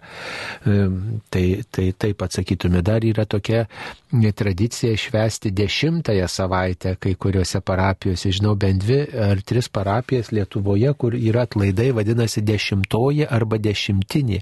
Tai yra de, dešimtą savaitę po Velykų pagerbiamas Jėzus e, Nazarietis ir irgi yra atlaidai. Ir, žinau, Rozalimo parapijoje, taip pat yra e, Ignalinos krašte e, tokia nedidelė parapija. Ir, ir ten, žodžiu, suvažiuoja žmonės iš įvairių kraštų ir tiesiog pagerbė pagerbė viešpati, kuris, kuris prisėmė kančią, vargą ir kuris yra tas mūsų brolis prisėmęs visą mūsų žmogišką dalę. Tai tokia tradicija paminėti kenčiantį Jėzų Nazarietį. Dešimtą savaitę po Velykų vadinasi dešimtoji. Tai mato, to šventės skirtos, kad mes neusimirštume, o tiesiog vis giliau ir giliau ir eitume į tą gilį mūsų šito tikėjimo slėpiniuose. Tai šeštinės Kristaus žengimas ne į dangų, paskui šventosios dvasios atsiuntimas, tada vėl grįžtam, ką šventoji dvasia nori atnešti ir vėl matome, kad šventoji dvasia mus gilina į Kristaus atneštą auką, kad mes tą atpirkimą visą suprastume, išgyventume ir jį prisimtume. Taip, dar viena klausytoja klausia, kodėl būdavo bažnyčioje žmogus numiręs šarvojamas kojomis į kryžių nu, pavyzdžiui, atneša karstą e, į bažnyčią jo, tai, ir tiesiog kojomis į altorių, į kryžių padeda tą tai, karstą. Matot, e, jeigu atkreipė dėmesį, tai kai nešami karstai, žmonių ne visų vienodai atnešami. Pavyzdžiui, žmogaus, kuris tarnavo kaip kunigas, jo galva į altorių žiūri į žmonės, nes jis nuo altoriaus tarnavo žmonėms. O kai ateina paprastas pakrikštytasis, ne, tiesiog tu žiūrėdavai altorių, tai ir tavo lavonas žiūri į altorių. Paprasta pagal, tokia. pagal tarnystės Tarnystę, padėtį. Aiškiai, veidų į altorių, veidų į kryžių. Ne kojomis, bet veidų, taip sakykime. O, pavyzdžiui, kunigas ar vyskupas ar popiežius, tai jis į veidų į žmonės atsisukė. Tiesiog tarnystė buvo iš kitos pusės. Tiesiog pagal tarnystę. Taip, dar viena žinutė. Antrojo Vatikano susirinkimo nutarimuose skelbiama, kad rojun pateks ir netikintis, jeigu jie dorai elgsis pagal sąžinę. Tai kodėl kunigai sako, kad be bažnyčios nebus išganimo? Kristus prisikėlęs ir žengdamas į dangų siunčia mokinius ir skelbia eikite ir padarykite mano mokiniais visų tautų žmonės. Tai netikintys tik tie, kurie neturėjo šanso galimybę. Reiškia, išgirsti apie Kristų. Ir jeigu šiomis dienomis technologijų pasaulyje mes bandytum ieškoti, kas neturi šanso, ne, tai randame, kad ten Amazonijos tose miškuose dar yra tos kelios gentelės, kur ten saugomos, kur be technologijų gyvena, ne dar kažkas. Tai bet šiais laikais labai mažai žmon, žemėje kraštelių, kurie jau nebūtų girdėję Kristaus arba nebūtų girdėję technologijų, ne, kurios pasiektų Kristaus tą žinią. Tai iš tikrųjų mūsų visų bendra atsakomybė, ne kad tą tikėjimą perduoti, o ne tai, kad, ai, žinai, aš geriau dabar gyvensiu, kaip čia tarsi negirdėjau, nors čia visur skelbia man kiekvieną dieną, ne prie mano būto durų stovi bažnyčia ar muša varpus ir aš dar noriu pasiteisinti, nepasiteisinsiu. E, taip, tai matot, bažnyčia į išganimą kviečia visus žmonės ir neaišku, kodėl žmogus netiki. Ar jis tikrai, ar jis tikrai gyvena pagal sąžinę, ar tikrai dorai gyvena, nes kartais mes tokioj truputį burbulė gyvenam. Nes sąžinė jo mus kviečia pažinti Dievą, mums taip įdėta. Tai. Ar ieškom tiesos, ar klausom, ar ugdom savo sąžinę. Va, sąžinę reikia ugdyti e, ir, ir tiesiog, na, puoselėti ir neužmigdyti. Neužmigdyti ir taip pat atsiliepti tai į tą sąžinės balsą, į sąžinės krepždenimą ir tikrai kodėl žmogus netiki, kodėl jam nesvarbus Dievas, kodėl jis neieško gilesnių klausimų, vat, ar jisai kurčia sąžinės balsui, ar jisai užpildo kitais atsakymais. Taip, nes sąžinę aš galiu užmygdyti, ją suklaidinti, suprantate, aš irgi nešu atsakomybę, sąžinė, sąžinė nėra ten kažkokia stebuklinga programėlė, kuri be mano laisvos valios veikia, nieko panašaus, jinai tik tai man padeda atsiliepti. E, dar viena žinutė. E, gal žinote, kokios pamaldos galėjo vykti kaimo bažnyčioje po mišių praėjus maždaug pusvalandžio laikui, tai yra po pertraukos. Nesunku pasakyti. Tai įvairiai, pavyzdžiui, gali būti, gal ten moterys būna susirinkę kokio gyvo rožinio, ne rožinį melžiasi, Tai būna įvairių, gal, gal kažkas nors ten, žinot, laukia, ten, va, pažiūrėjau, kokios ten būna sekmanį mišios ten pirmą valandą, ne, jos pasibaigia ten kažkiek po dviejų, dar liko tie trečią valandą, ir žmonės nori vainikėlį susimelėsi bažnyčią, tai visokių gali būti būdų, žinot, gal, gal, gal kokia grupelė ėjo kaip turistai susirinko, jūs užėjo, to jie ten suklopė pasimeldė, tai, nu, sunku pasakyti, tai, bet gali Reikėtų būti įvairių būdų. informacijos turėti, gali taip. būti taip, kad kunigas, pavyzdžiui, choristams padalino šventąją komuniją.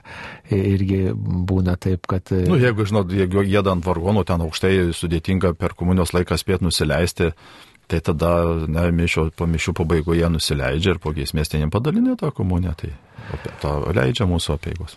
Taip, jeigu mes visi turime gimtąją nuodėmę, tai kur čia yra laisva valia? E, kas yra laisva valia ir kas yra gimtoji nuodėmė? Gimtoji nuodėmė, kad aš gimstu šitame pasaulyje, kuris yra atmetęs Dievą, ne? bet tame laisvo valia niekur, nes, nes ne, gimtoji nuodėmė nepanaikina laisvos valios, suprantat? Tik tai, kad mes gimstam iš nave pasaulyje, žiūrėkit, ateinu aš naujas žmogus šviežias, ne, bet va kaip ir pirmai vienas lasyto sakė, o jau mano tėvai nesu nuodėmė gyvena. Aš tai dar be nuodėmės atėjau iš tą pasaulį, bet mane auklė ir mane supa pasaulis, žmonės, kurie yra nuodėmė sužeisti ir tada automatiškai ir mane sužeidžia tą aplinką įtraukia. Aš nesu izoliuotas, ne mane niekas kažkur nenus, nuskridina į kosmosą, be nuodėmės ten kažkur, kur būtų koks planetėlį neišaugina ir nesugražina į Žemę. Tai va čia yra ta gimtoji nuodėmė, kad aš gimstu šitoje erdvėje šitame pasaulyje, kuris jau atmetęs Kristų ir tada mums reikia su savo laisvo valia sugebėti atsiliepti ir sukovoti su tuo blogiu, kuris mus apsupęs. Taip, dar viena žinutė yra apie vergavimą nuodėmiai. Kodėl žmogus vergauja nuodėmiai ir apie tai rašoma laiške romiečiams. E, kiekviena nuodėmė yra vergystė, bet ne tai, kad nuodėmė, ne, bet šitonai. E, per nuodėmę mes pasiduodam jo įtakai ir tada jau aš tampu vergu. Bet žiūrėkit, čia, kai Paulius rašo apie šitą vergovę, ką jis nori tuo pabrėžti, prisiminkime, kaip ir Kristus moko, sako, tik sūnus pasilieka amžiams. Vergas, jis gali būti išvaduotas ir išlaisvintas. Tai mano vergavimas nuodėmiai, ką man sako, kad reiškia, aš nepriklausau šeitonui. Suprantat, aš nesu jo padermė. Jis tik mane pavergęs. O aš su Kristaus laisvė, su jo pergalė Įsivaduoju, tai ačiū Jėzui, kad jis mane išvaduoja iš tos vergovės. Ir nepasiduokime šitai vergovė, atpažinkime, nebijokime apie jas pripažinti, čia nieko žemina, čia tai kaip tik mano šansas išeiti iš vergovės, pripažinti, kad esu nuodėmės vergovėje, kad būčiau išlaisvintas. Kam reikalingas e, sutvirtinimo sakramentas e, tiems, kurie priima santoko sakramentą, ar nepakanka tik tai krikšto ir pirmosios komunijos? E, krikščionis, ne, mes turime vadinamus įkrikščionimo sakramentus. Tai yra krikštas, komunija ir sutvirtinimas.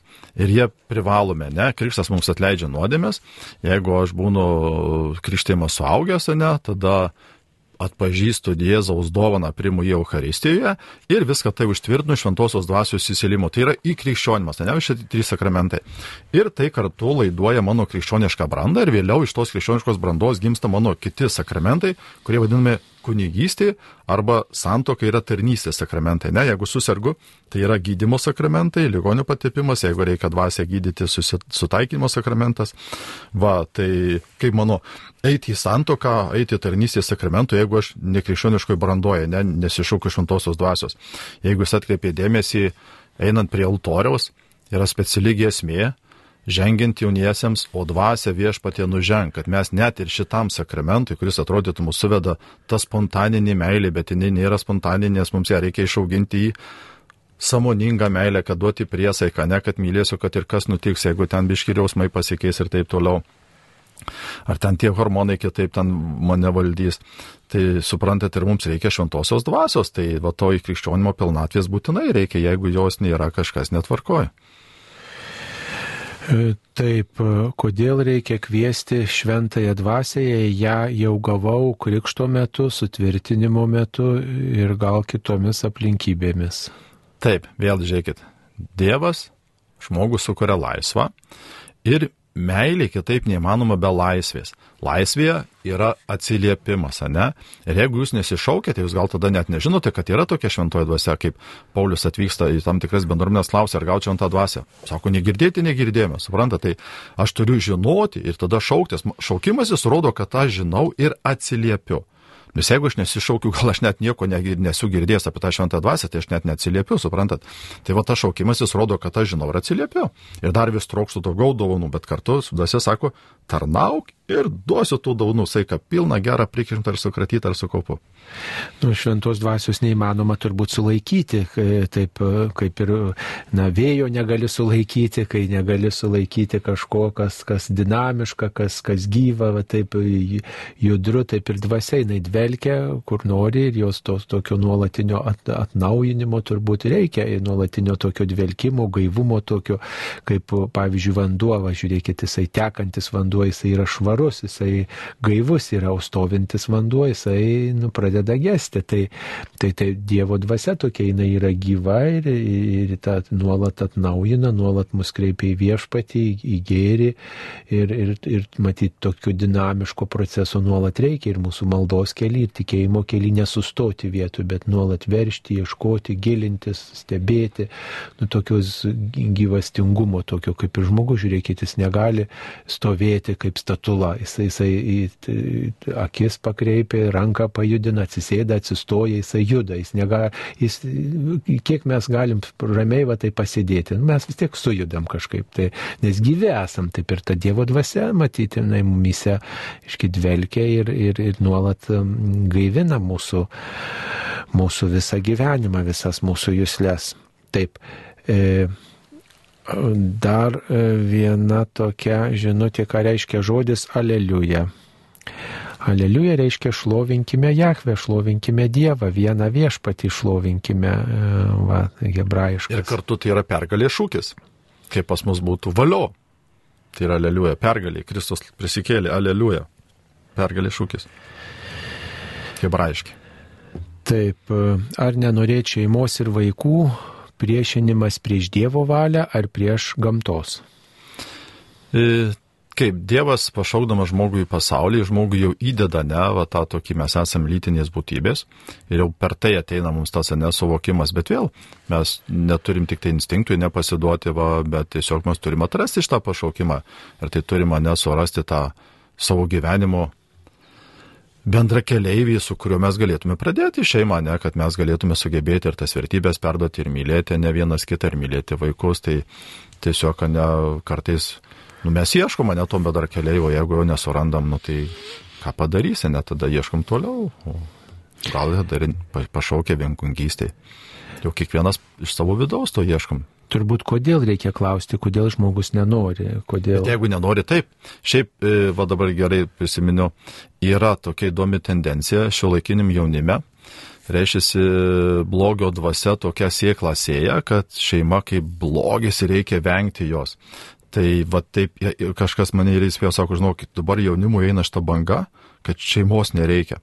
Bet tai yra šitono jau čia išmislas, nes Dievas, kai sukuria žmogų, pasako jiems, ne, vyras paliks tėvą ar motiną, glausis prie žmonos, ir du taps viena, ne, ir duoda tą misiją apgyvendinti visą žemę. Ir šiais laikais irgi galima girdėti, net šiek tiek ir iš mokslininkų atseit, kabutėse mokslininko, ne, kad jau čia žemėje per daug žmonių, jau čia reikia naikinti tuos žmonės, čia daryti, kad tik jų mažiau būtų, tai jau neužimkime Dievo vietos, ne, yra ta patarlė, Dievas davė burną, dantis duos ir duonos. Tai o šitonas, žinot, vis, visokių būdų ieško žmonės sunaikinti, tai jeigu vienaip nerado, jis gali kitaip naikinti, tai, bet mes nepasiduokime, mes esame Dievo vaikai, ne, ne šitono vaikai. Taip, tai ačiū Jums už atsakymus į klausimus. Mėly Marijos radio klausytojai, šioje laidoje buvo e, Kibarto Eucharistinio išganytojo parapijos klebonas, kunigas teologijos licencijatas Jonas Cikana. Jūsų parapijoje turbūt rytoj e, bus iškilminga Eucharistinė procesija miestelio gatvėmis. Tai gatvėmis nenuplanavom tik aplink bažnytėlę ir kartu tai yra Eucharistijos mūsų titulas ir kartu ta proga bus vaikučių pirmoji komunija. Tai iškilmingai mes einame, sustojame, visi vaikučiai eina procesiją, skelbiama keturių evangelistų geroji naujiena apie Kristų, va ta žinia Taip, tai kviečiame visus dalyvauti devintinių iškilmėse savo parapijų bažnyčiose arba viskopijų katedrose tikrai ir mm, paliūdyti tikėjimą ir pagarbą Eucharistiniu Jėzumi, jį pagarbiai priimti ir pasitikėti, kad jis mus maitina, stiprina ir lydė. Šioje laidoje prie mikrofono buvo ir aš kunigas Saulis Bužauskas. Ačiū visiems skambinusiems, klausiusiems viešpats te laimina ir te saugo. Ačiū visiems, sudėjau viešpats su jumis.